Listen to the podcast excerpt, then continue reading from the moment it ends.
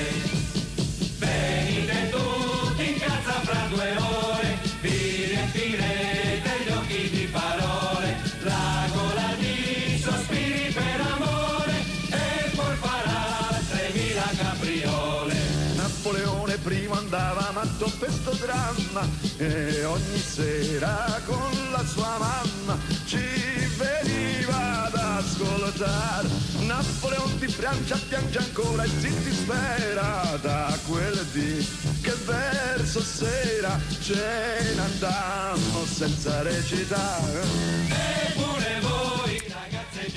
Ciao a tutti, buonasera e benvenuti all'ascolto di Radio Onda Italiana. Questa è Libera la radio da Amsterdam e in studio Silvia Terribili.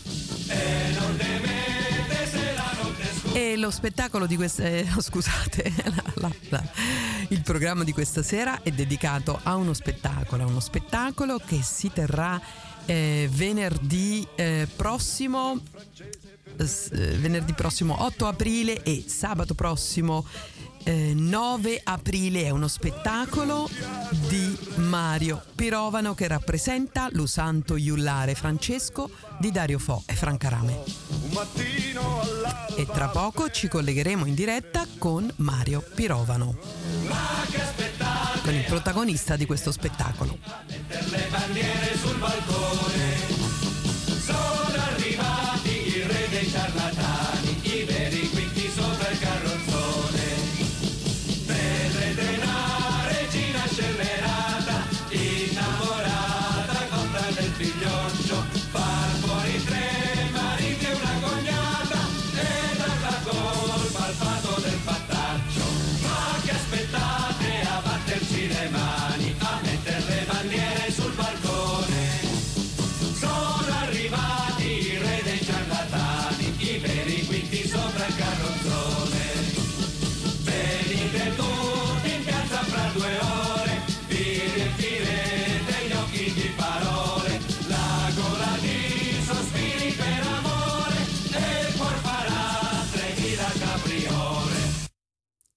E questo era Ma che aspettate a batterci le mani, un, un brano celebre di Dario Fo. E questa sera vi farò anche ascoltare canzoni di Dario Fo eh, varie. E L'Istituto Italiano di Cultura di Amsterdam presenta due spettacoli di Mario Pirovano, Lusanto Iollare Francesco di Dario Fo e Franca Rame. Sono uno spettacolo in italiano che si terrà sabato 9 aprile alle ore 19 scusate, venerdì 8 aprile alle ore 19 nella Keizersgracht Kerk che si trova nella Keizersgracht 566 ad Amsterdam. E sabato 9 aprile, sempre alle 19, si terrà lo stesso spettacolo, ma in inglese, sempre presso la Keizersgracht Kerk. Keizersgracht 566 ad Amsterdam. È ancora possibile prenotarsi, ma bisogna fare presto e per prenotarsi bisogna contattare l'Istituto Italiano di Cultura di Amsterdam. Il premio Nobel drammaturgo, regista, scrittore, illustratore ed attore Dario Fo è noto nei Paesi Bassi più per la sua innovativa re- regia del Barbiere di Siviglia di Rossini, messo in scena dal Netherlands Opera negli anni Ottanta, che per le sue proprie opere teatrali rappresentate e tradotte in tutto il mondo, tra, tra, cui il suo celebre Mistero Buffo. Molto attuale in tema di pace e guerra, lo santo Iullare Francesco viene rappresentato l'8 e 9 aprile nella Kaisersgrachtkerk di Amsterdam, per la prima volta in terra olandese da Mario Pirovano, attore ed affabulatore che ha raccolto il testimone di Dario Fo e sua moglie Franca Rame ed ha tradotto in inglese le sue opere. Dalle ricerche di Dario Fo, premio Nobel per la letteratura nel 1997, un memorabile lavoro sulla vita di San Francesco. Un ritratto inedito del più straordinario innovatore del pensiero cristiano, per parlarci dei grandi temi che attraversano la società contemporanea. Lo santo Iullare Francesco è un monologo in cui prende vita un'intensa serie di personaggi dell'Italia medievale, papi e cardinali, soldati sui campi di battaglia, contadini e venditori al mercato, monaci e cavapietre. La realtà storica e la tradizione popolare si intrecciano nel ripercorrere alcuni dei momenti più significativi della vita di Francesco. La richiesta di approvazione della regola al Papa Innocenzo III, la predica agli uccelli, l'incontro con il lupo, la malattia agli occhi. Lavorando su leggende popolari, su testi canonici del Trecento e su documenti emersi negli ultimi 50 anni, Dario Fo elabora un'immagine non agiografica di San Francesco. Spogliato dal mito, ritroviamo un personaggio provocatorio, coerente, coraggioso, ironico. Del resto, era lo stesso Francesco a definirsi iullare di Dio, e questo proprio negli anni in cui l'imperatore Federico II promulgava un editto contro gli oculatores, considerandoli buffoni osceni. Dice Fo. Della giullarata Francesco conosceva la tecnica, il mestiere e le regole assolute. Non teneva mai prediche secondo la convenzione ecclesiastica, anzi rifiutava l'andamento del sermone. Sappiamo pure che cantava, recitava, si muoveva con tutto il corpo, braccia, gambe, piedi, suscitando divertimento ma anche commozione fra i presenti. Mario Pirovano è un autodidatta di grandi qualità espressive. Per anni è stato ad ascoltare le mie esibizioni. Ha seguito le lezioni e le dimostrazioni che davo ai giovani attori e qui è proprio Dario Fo che parla. Eh? Alla fine ha assimilato come un idrovora tutti i trucchi e la sapienza del mestiere al punto da poter arrivare ad esibirsi da solo con grande successo. Personalmente ho assistito ad una sua esibizione nell'Università di Firenze, facoltà di lettere. L'ho trovato eccezionale.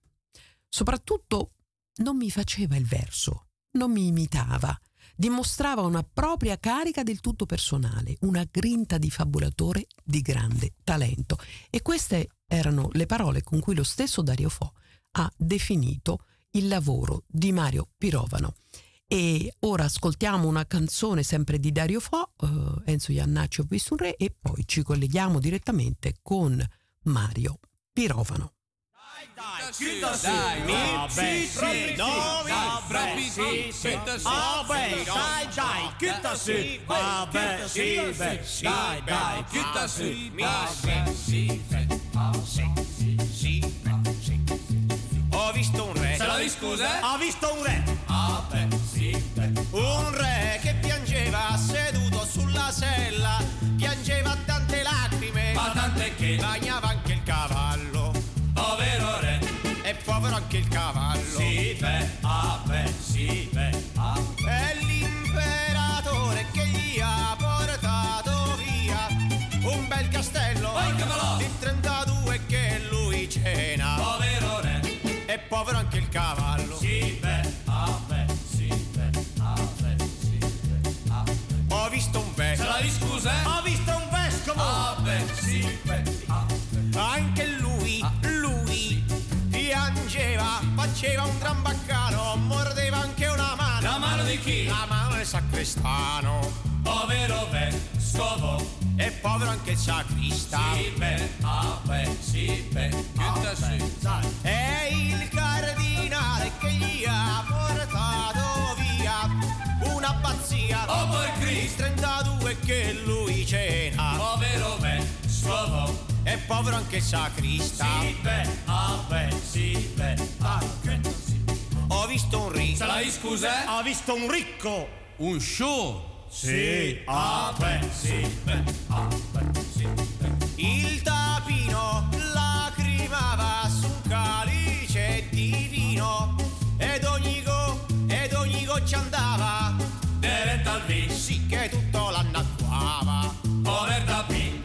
Povero anche il figlio. Sì, beh, ah beh, sì, beh, ah, che sì. Il vescovo, il re, l'imperatore, l'ha mezzo rovinato, gli han portato via tre case e un caseggiato, di 32 che lui cena, Povertà P. e povero anche il vin. Sì, beh, ah beh, sì, Dai, beh, che dai, dai, che sì, ah beh, dai, dai, sì, sì, sì, sì. Visto un vilano, Sai scusa? un contadino, Ah beh, sì, beh, ah beh, sì, beh. il vescovo, il re, il ricco, l'imperatore, perfino il cardinale, l'ha mezzo rovinato, gli han portato via la casa, il cascinale, la mucca, Ah, beh. il violino, Sì, sì. la scatola di cacchi, il radiotransistori, i dischi di Teltoni, la moglie, E per cos'è? un figlio militare, Ah beh, sì, gli beh. hanno ammazzato anche il maiale, Poi il Purcell. nel senso del maiale. Sì, beh, ah beh, sì. Ma lui no, lui non piangeva, anzi ridacchiava. Ah, ah, ah. Ma Salè, ma... No, il fatto è che noi diranno, noi diranno, è sempre allegri,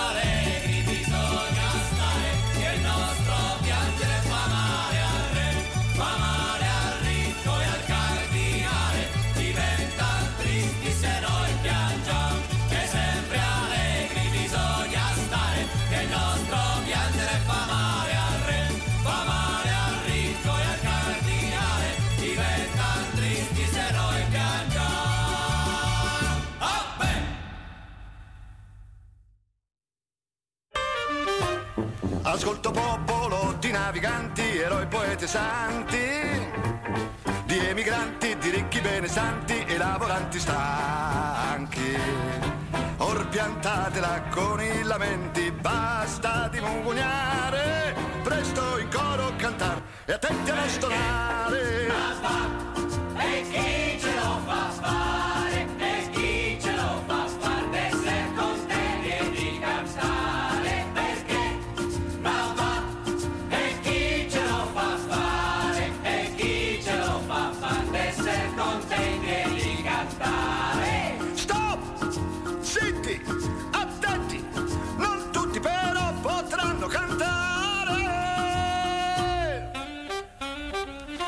Fila cantino i ministri e i sottosegretari. In controcanto seguono arcivescovi con i generali. Ed in falsetto le toghe d'ermellino ed i banchieri, molto suadente gorgheggi, gorgheggi l'inquirente. Ah, le casalinghe e gli impiegati tutti del ceto medio basso. E gli operai e gli avventizi vari non devono cantare. Sottoccupati, disoccupati potranno solo fare come contrabbasso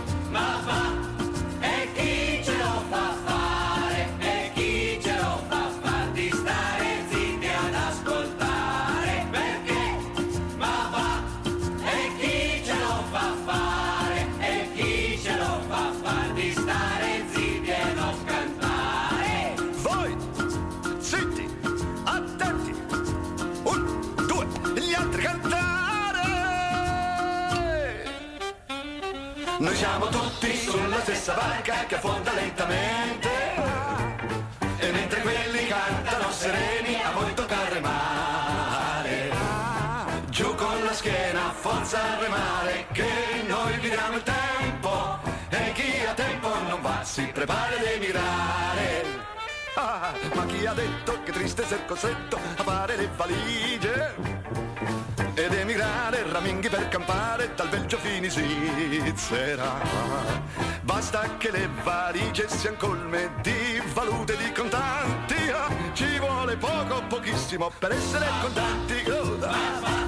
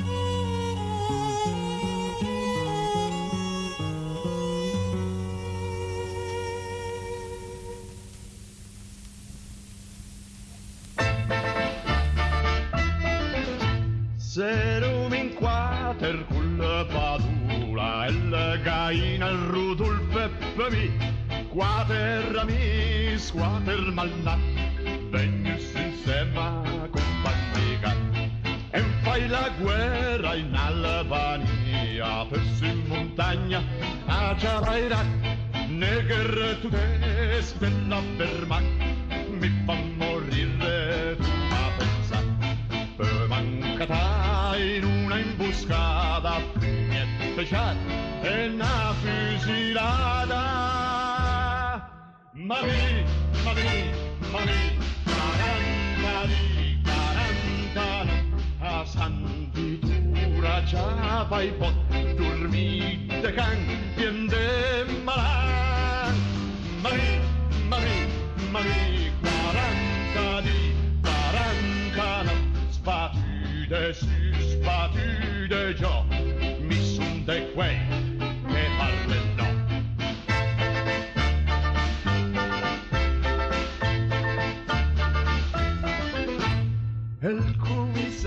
commissario ieri mattina che m'ha mandato già male per lì. Noi siamo qui non sente alcun e me diceva tu Petero e me diceva ai tuoi compari non li pigliasse senza di te. Ma se parlasse io firmo qua il tuo congedo di libertà tu sei un fesso che stai contento di stare solo, chiuso qua dentro. Mami, mami, mami, 40 di 40 no, a sanditura ciapa i bot, dormite cantiende malan.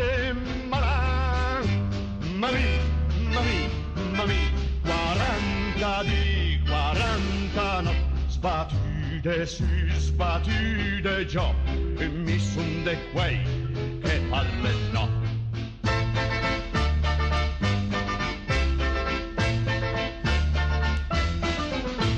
Son sera su in staratera piena de nebbia scure de fregi, sotto sti mur passano fra casse vita del Menilan. El corso strange vengiò la sera, stuminga in pe, me senti mal, pugia sul letto in un canton, me pardeves proprio in nessun. Le pesche in guerra stan sulla terra, la libertà la varna spiada. Mami, mami, mami, 40 di 40 no. A sanditura ciapa i bot, dormite can, piende man. Mami, mami, mami, 40 di 40 no. Sbattute su, sbattute già, mi son de quei che parle no.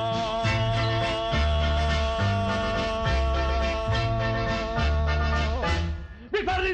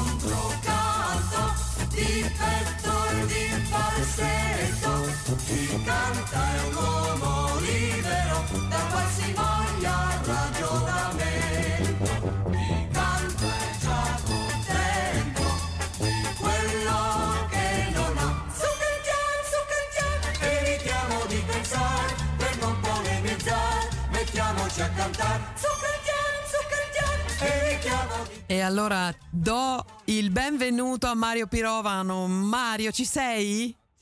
Sì. Ah, buonasera, benvenuto. Buonasera, buonasera, grazie, grazie, buonasera. Benvenuto a Radio Onda Italiana. Bene, Grazie, grazie. grazie di, di essere qui con noi stasera. Allora Mario, tu sarai qui in Olanda per uno Per la prima spettacolo. volta, per la prima volta Per la prima volta, io vengo son- ad Amsterdam. Veramente sì, mi fa tanto tanto piacere e anche perché ci conosciamo da parecchio tempo e questo è, vero. è bellissimo poterti avere qui a Amsterdam. Allora, innanzitutto, dici qualcosa dello spettacolo. Beh, lo spettacolo non poteva capitare in un momento più disgraziato eh, di, di questo, eh, perché quando è stato deciso non, non- non c'era questa storia, vero Silvia? Questa guerra Non c'era terribile scoppiata, non c'era, non c'era guerra, no. neanche è una stata tremenda e, e questo spettacolo eh, è, è- brutto doverlo dire, ma capita a fagiolo perché è, è uno spettacolo in cui eh, Francesco riesce a, a tirar fuori il meglio del- di quello che è stata la filosofia cristiana dei primi secoli, insomma, e di cui Francesco si è fatto interprete di nuovo dopo parecchi migliaia, parecchi centinaia d'anni dal- dalla sua fondazione. È stato un innovatore riconosciuto da tutti, da tutti, anglicani, protestanti, luterani, eh, tutte le confessioni religiose, per non dire poi quelle dell'Oriente, eccetera, hanno riconosciuto Francesco come un vero innovatore del pensiero religioso, Sì, in questo caso cristiano, certo. parliamo di un uomo del Medioevo. Quindi Parliamo di nuovo di un medioevo, ma che eh, la- Bellissimo. la- sì, l'ha vista, l'ha vista proprio lunghissima. Se pensiamo a certi, sue- a certi suoi atteggiamenti che potevano essere considerati pazzi per quel periodo, no? Infatti era chiamato eh, il pazzo di Dio, era soprannominato, no Francesco? Addirittura i suoi compagni a un certo punto non lo sopportano più, lo- gli- proprio gli gridano vattene via mentecatto che tu sei, cioè proprio lui ne compilava di ogni, cioè era, è- veramente quello che, che, che, è il matto della situazione, ma era un matto adorabile, era un uomo di, un, di una forza, di una, di una capacità di, di, di, unire il pensiero, l'azione. Lui non, non, non faceva sermoni a, a così, non, lui viveva quello che lui pensava. Questo che era la, la sua grande forza e il suo successo è stato proprio perché la gente lo vedeva cioè vedeva quello che lui faceva, come lui si comportava, no? non è che lui predicasse o facesse sermoni boriosi cioè, no? del, del, tipo eh, predicare bene e razzolare male, no? no, lui proprio interpretava fisicamente con tutto se stesso, con il suo corpo, tutto quello che pensava e che, e che voleva che succedesse, insomma. Per cui la gente, la gente aveva un esempio vivente aveva un seguito in, in, Europa nel suo periodo che io stesso mi sono stupito perché quando l'ho tradotto in inglese per la prima volta nel 2008-2009 eh, ho fatto delle ricerche soprattutto in Inghilterra per capire che cos'è stato anche come, come, potevo in qualche modo indirizzarlo anche nella lingua inglese, perché non era facile fare questa cosa in lingua inglese. Tant'è vero che all'inizio ero quasi scorato, cioè non, non, non, uh, non, sentivo altro che gente che mi diceva ma sei pazzo, ma che vuoi, ah, proprio anche amici inglesi che abitano uh, qua in Umbria dove abito io, che mi dicevano ma Mario ma lì se ne fregano di questa cosa, ma non lo conoscono neanche, invece poi ho sc- fatto delle scoperte incredibili, cioè, lui era famosissimo, tant'è vero che quando ho debuttato in Inghilterra mi sono presentato in questo modo, Francis was like the Beatles in the 60 in this country, sì. no? ho detto che cioè, Francesco era come i Beatles negli anni 60 eh, in Inghilterra, aveva un seguito incredibile, tutti i più grandi personaggi dell'Inghilterra di quel tempo, a partire dal grande eh, pensatore, filosofo, inventore della filosofia moderna Francis Bacon, eh, eh divenne francescano questo Francis, tant'è vero che il nome Francis era, era agli inizi allora, no? William Hock, Roger Vendover, Matteo Macchio Paris, che, eh, tutti i, grossi personaggi della cultura inglese, medici, scienziati, eccetera, che divennero francescani, cioè avevano un seguito in tutta Europa che superava le 30-40 mila persone, cioè era una roba impressionante, cioè, stiamo parlando del 1200, capisci? Sì. Quindi in tempi in cui anche era più difficile trasmettere le informazioni, però eh, la fama di Francesco era arrivata è molto lontano. Dappertutto, dappertutto, sì, è, arrivata da, sì, è arrivata dappertutto, è stato soprattutto, ma uh, soprattutto anche dopo, dopo la sua morte, insomma, quando poi parte che lì c'è stata una, una censura 40 anni dopo la sua morte che, quelle, quella di oggi fa ridere con l'imprensione. Ti basti pensare che su Francesco d'Assisi cade un silenzio terribile che dura la bellezza di cinque secoli e mezzo, quasi sei secoli. Dobbiamo arrivare al mille, eh, eh, alla fine del 1700, i primi anni dell'Ottocento, per per cominciare eh, a, a, a, che sono i frati francescani che si rendono conto di quanto avevano perso di questo loro leader no? e si mettono alla ricerca delle fonti, delle fonti storiche che erano state tutte distrutte e pian piano, pian piano, anche in parecchie parti d'Europa, cominciano a uscire proprio ad opera dei francescani stessi. I primi, i più grandi ricercatori che si conoscono sono i francesi e i tedeschi che hanno trovato una quantità di materiale incredibile su Francesco. E, e, così poi gli inglesi e poi gli spagnoli e poi gli italiani, insomma tutti, si arriva a ricomporre comunque, un, ma si è perso tantissimo della memoria. E poi c'è anche tutto il Ancora discorso sull'ambiente, no? il primo ambientalista, il primo vero... Caspita, sì, ma il primo ambientalista... Il primo animalista, il primo ambientalista. Nel, sì, sì, nel Medioevo, nel Medioevo lui dice all'acqua sorella umile e preziosa sì. che ne dà sostentamento. Cioè, che tu pensi a un uomo medievale a sentire una cosa del genere, da dare gli dà del matto, no? Cioè, Sì. allora che c'erano i fiumi che potevano essere veramente da bere, no? I, i fiumi, posso immaginare i canali, le acque, che io mi ricordo ancora, sono in un piccolo paesino di- di- di- della Lombardia, io nel canale vicino a casa mia bevevo l'acqua Sì. Bevevo l'acqua del mio canale, del canale de- de- di irrigazione vicino a casa mia, facevo il bagno e, e- e bevevo l'acqua, capisci? Cioè pensa te eh, a fare una poesia del genere, no? senza contare poi il discorso sugli animali, eccetera. Lì c'è anche un doppio binario che bisogna stare attenti perché molte volte la gente non si rende conto.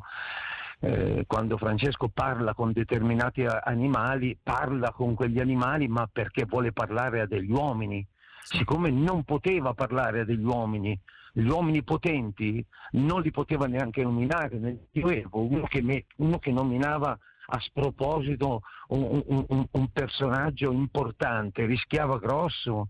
Per cui eh, gli eh, questi personaggi, questi giullari, perché Francesco era lui che si autoproclamava io songulo giullare de Deo, I am God Jester, è lui che dice di, di se stesso proprio, no? Sì. E, e- e allora questi qui usavano le metafore, perché siamo in un periodo in cui l'ironia, la satira eh, eh, eh, si fa, eh, usa l'allegoria per trasmettere i- i- i- le cose che vogliono dire. L'allegoria e le metafore e gli animali sono usati perché eh, sono usati sistematicamente nella simbologia medievale, no? tu basta che entri in una cattedrale del 1200 o anche del 3, del 400, tu vedrai una quantità di animali sia dipinti, sia scolpiti, sia incavati nel muro, nella roccia, eh, di ogni genere, dai pesci a- a- agli uccelli, a- alle belve, eccetera. Hanno tutti, ognuno di questi animali hanno un riferimento preciso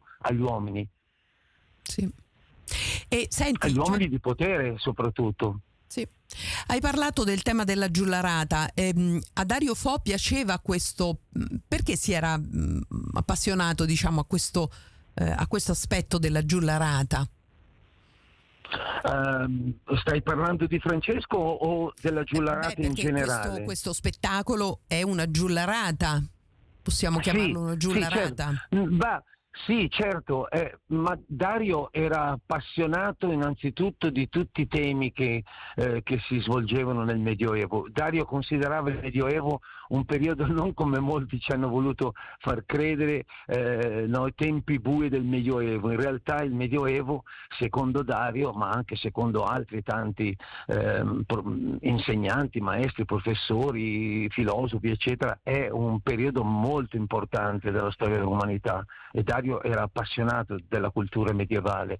Per quel che riguarda le giullarate, e questi era il modo in cui questi personaggi trasmettevano e raccontavano storie dove loro si incontravano nella vita, cioè che loro attraversando il paese, fai conto che queste non esisteva una lingua franca, capisci? Sì. Cioè, questi viaggiavano in lungo e in largo dal nord al sud e viceversa, no?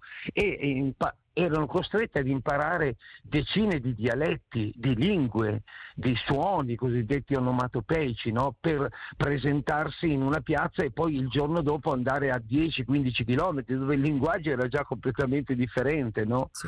e loro imparavano e usavano la tecnica della giullarata perché era quella più prestante dal punto di vista spettacolare.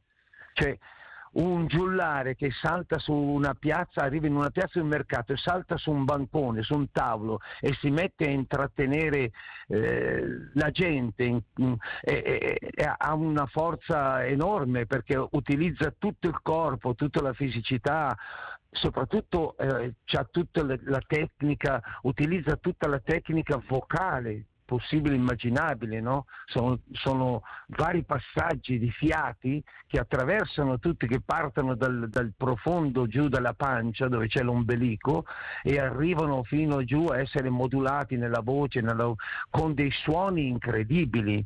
Non c'era microfono, non c'era... Tu sai che addirittura usavano i portatori di voce, Cioè, per esempio, nel caso di Francesco, portatori di voce, cioè quelli, quelli che, eh, un tipo come Francesco che arriva a Bologna e si trova di fronte a 5.000 persone nella piazza grande di, di Bologna, no? E deve tenere un- un- una, una concione, così si chiamavano queste, queste tirate, no? E, e- e- e c'ha addirittura degli- delle persone tra il pubblico che passano la voce a, a quelli che stanno dietro che non l'hanno Sì, sentito. sì, sì. Sono passatori di voce, degli amplificatori umani, capisci? Degli amplificatori umani per far raggiungere la voce anche, anche a quelli che sono un po' troppo. Immagina 5.000 persone, case da- cioè quello che sta in fondo, quelli a metà già cominciano a far fatica, insomma, no? Sì. a sentire. E questa è una tecnica, tra l'altro, che è stata riutilizzata. Io ricordo quando c'era Occupy.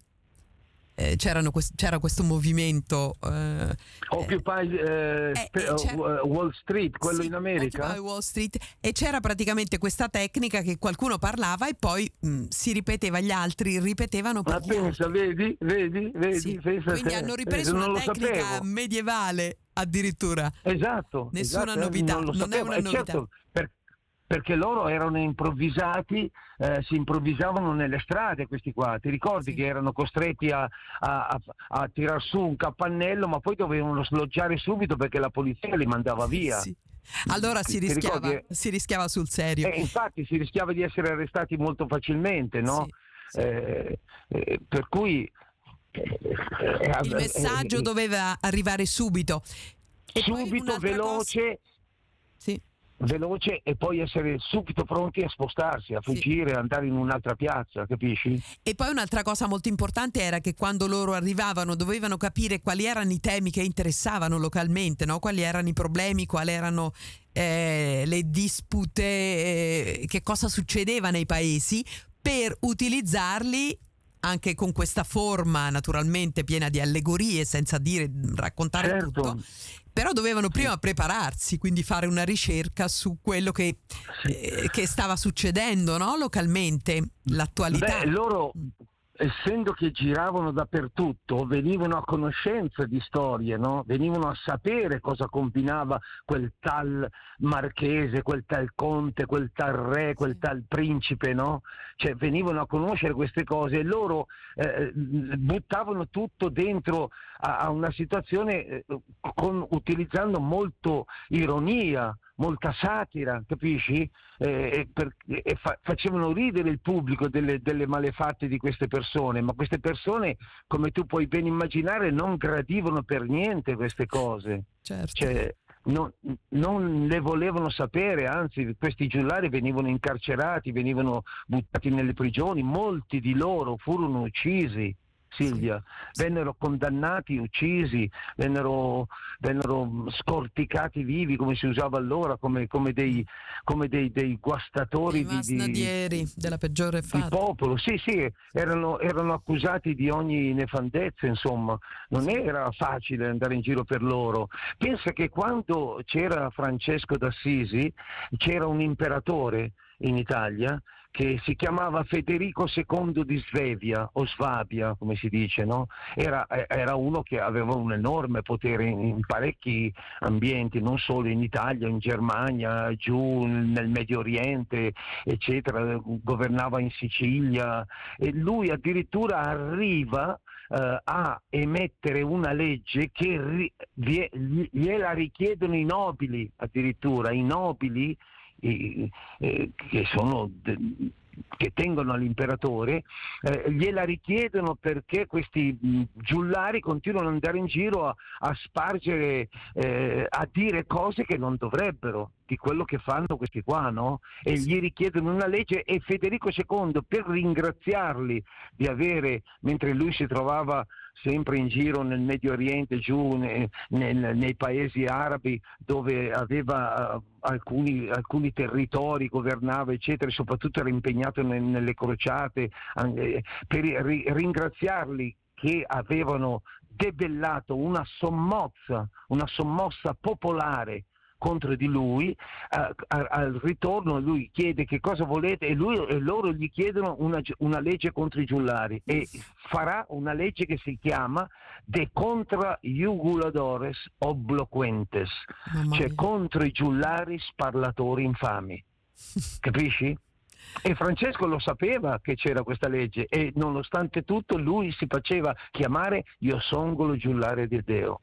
Sì. Senti, Era un personaggio incredibile. Bellissimo, bellissimo. Senti, tu eh, praticamente eh, come hai iniziato? Tu hai fatto vedere, hai seguito molto eh, Dario Fo, poi come, mh, come hai, pro- mh, hai proposto a lui di eh, rappresentare questo spettacolo? Come è nata?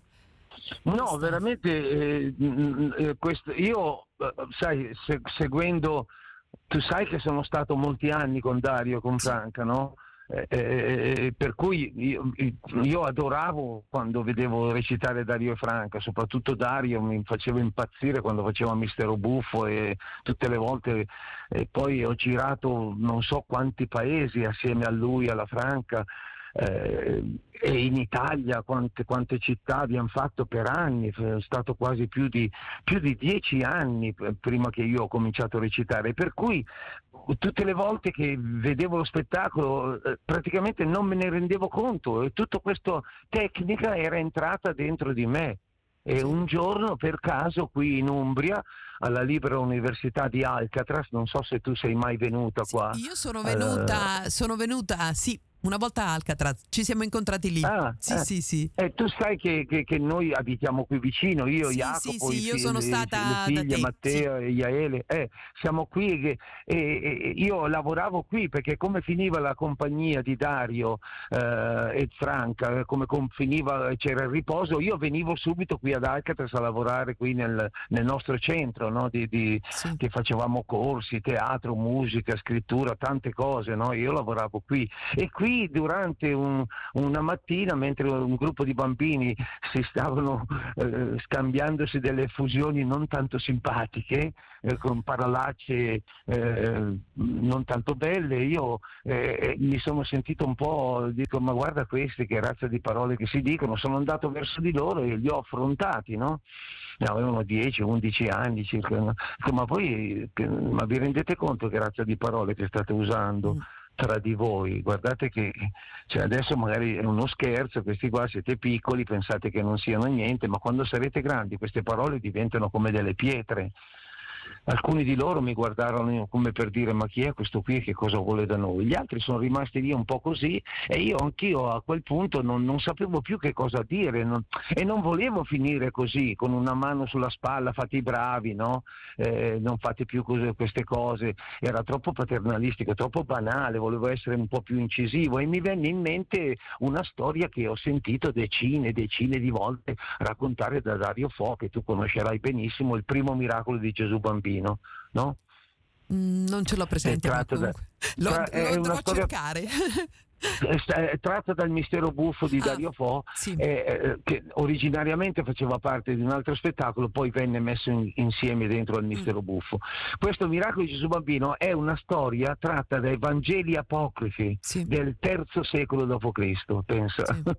Beh, tutto il mistero Dario buffo, no? E prende, eh, trae materiale dai, dai, Sì. Vangeli apocrifi. Dai Sì. Certo, sì, sì, sì, sì, ma questa in particolare è proprio una storia dei Vangeli apocrifi, questa qui del, del primo miracolo di Gesù bambino, ed è una cosa di una potenza incredibile, bellissima, no?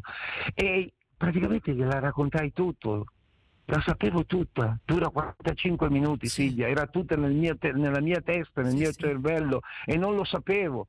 Se non fosse stato per quei ragazzi, mi hanno, loro, a loro insaputa mi hanno trasformato in un attore. Da quel momento non mi sono più fermato. Sì.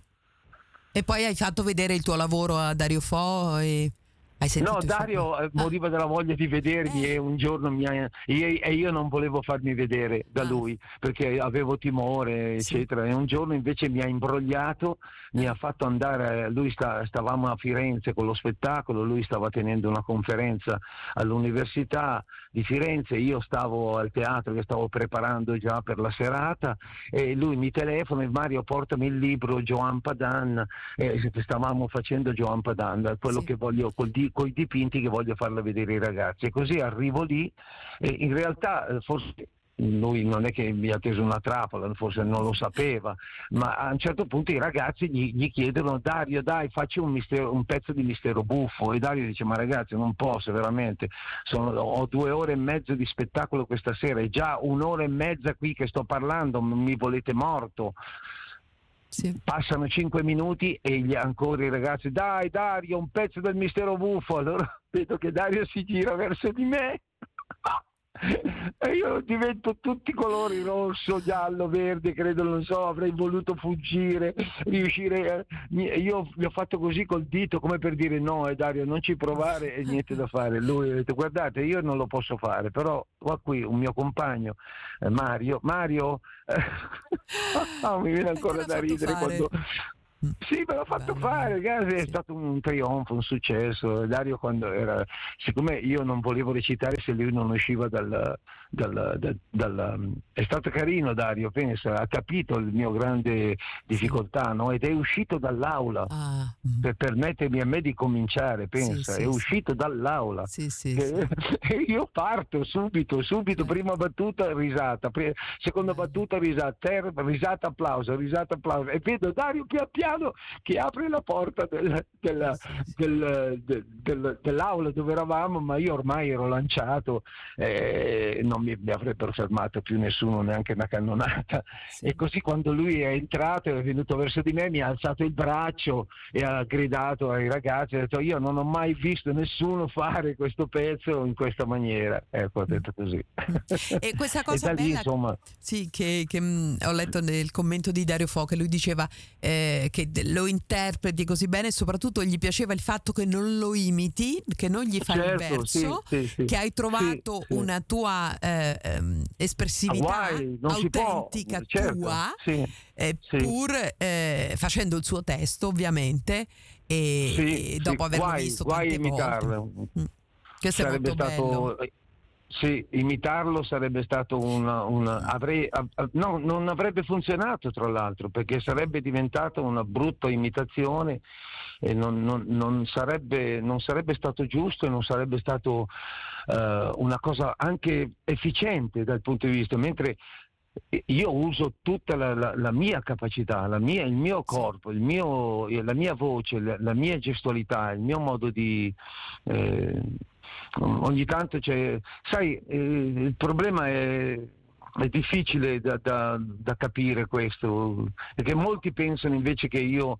mo- molti, mo- non molti, quelli che non ti hanno visto, ecco, soprattutto alcuni giornalisti strani molto strani che senza avermi visto, senza avermi visto, reputano che io sono una, una fotocopia di, di Dario. Invece Dario non avrebbe mai permesso, non, vi avrebbe, non mi avrebbe mai eh, dato il permesso, se, se lo conosco, conosco bene, non perché lavorassi con lui, eccetera, no, ma non avrebbe mai... No, fatto. perché sarebbe stato mi uno sminuire, cioè l'imitazione, copiare, Certo, no? certo, e sarebbe certo, stato un banalizzare eh, qualcosa Sì. di, di, eh, di- di perfetto, insomma, no? Perché, esatto, eh, esatto, eh, esatto. Avrei, fa- gli avrei, gli avrei fatto un danno, Sì. avrei fatto un danno. sì. E io non, non avrei mai avuto l'intenzione di fare una cosa, un danno del genere, assolutamente. Sì.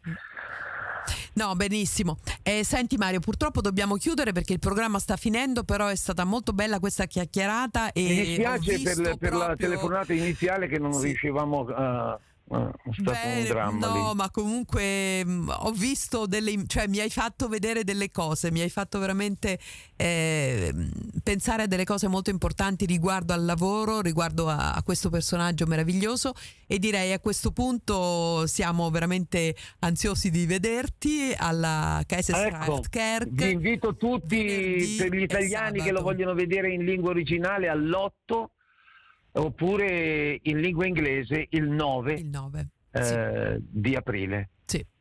Grazie di questo lavoro, grazie eh, veramente e ci vediamo molto presto e mm, buon viaggio. A questo punto ti aspettiamo a Ams- Amsterdam. Grazie Silvia, eh, grazie tante di questa bellissima intervista e una buona sera a tutti. Grazie. Ciao, ciao. Ciao cara, ciao, grazie. Miracolo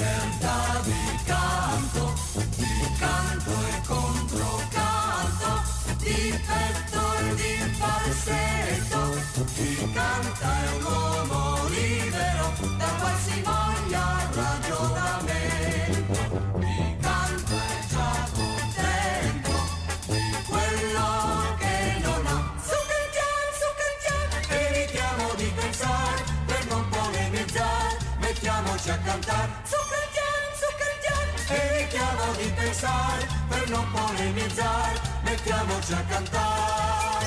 Facciamo cantare gli orfani, le vedove che piangono. E abbiamo fatto una bella chiacchierata con Mario Pirovano. Ehm, eh, Mario Pirovano sarà qui a Amsterdam per uno spettacolo venerdì e sabato prossimo presso la Keizersgracht Kerk. Lo spettacolo è Lo Santo Iullare Francesco di Dario Fo e Franca Rame, eh, recitato da Mario Pirovano e eh, si terrà nella Keizersgrachtkerk venerdì 8 aprile alle 19 per lo spettacolo in italiano e sabato 9 aprile sempre alle 19 per lo spettacolo in inglese dello Santo Iullare Francesco di Dario Fo e Franca Rame.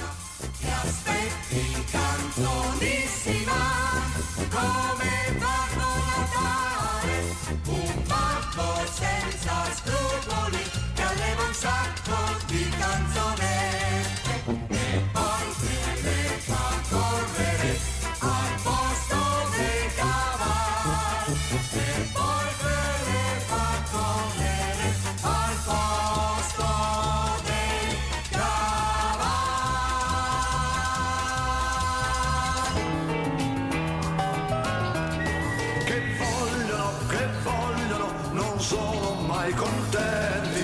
Sono stilamenti, non fanno che frignar. Ne ho fatto un bel esercito, conferma obbligatoria, non vogliono la gloria, loro non vogliono crepare.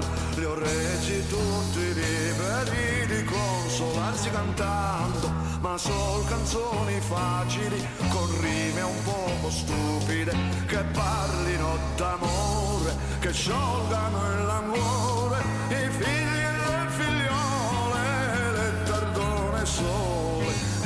che facciano rifiorire le paglie il loro latte e rigonfiare il petto alle ragazze piatte, canzoni per l'estate, l'inverno alla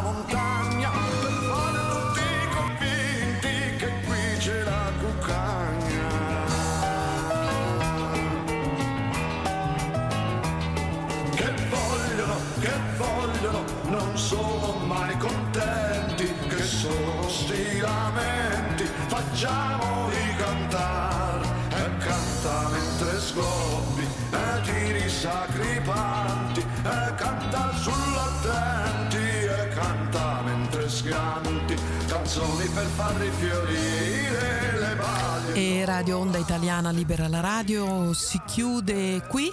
Questa sera abbiamo avuto un graditissimo ospite, Mario Pirovano.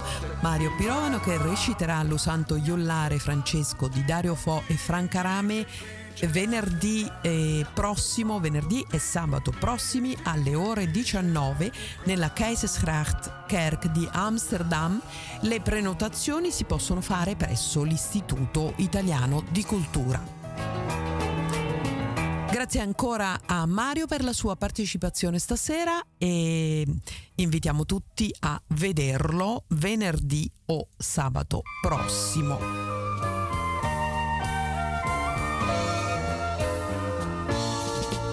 ci importa se domani. E grazie ancora della vostra attenzione, questa era Libera la Radio da Amsterdam, Radio Onda Italiana con Silvia Terribili. Grazie ancora dell'attenzione e alla prossima puntata.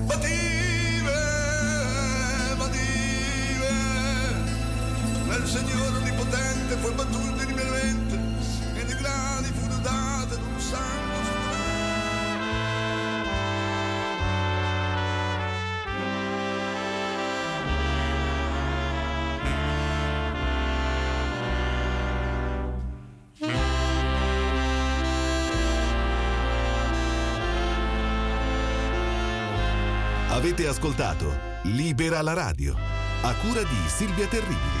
Informazione, musica e cultura italiana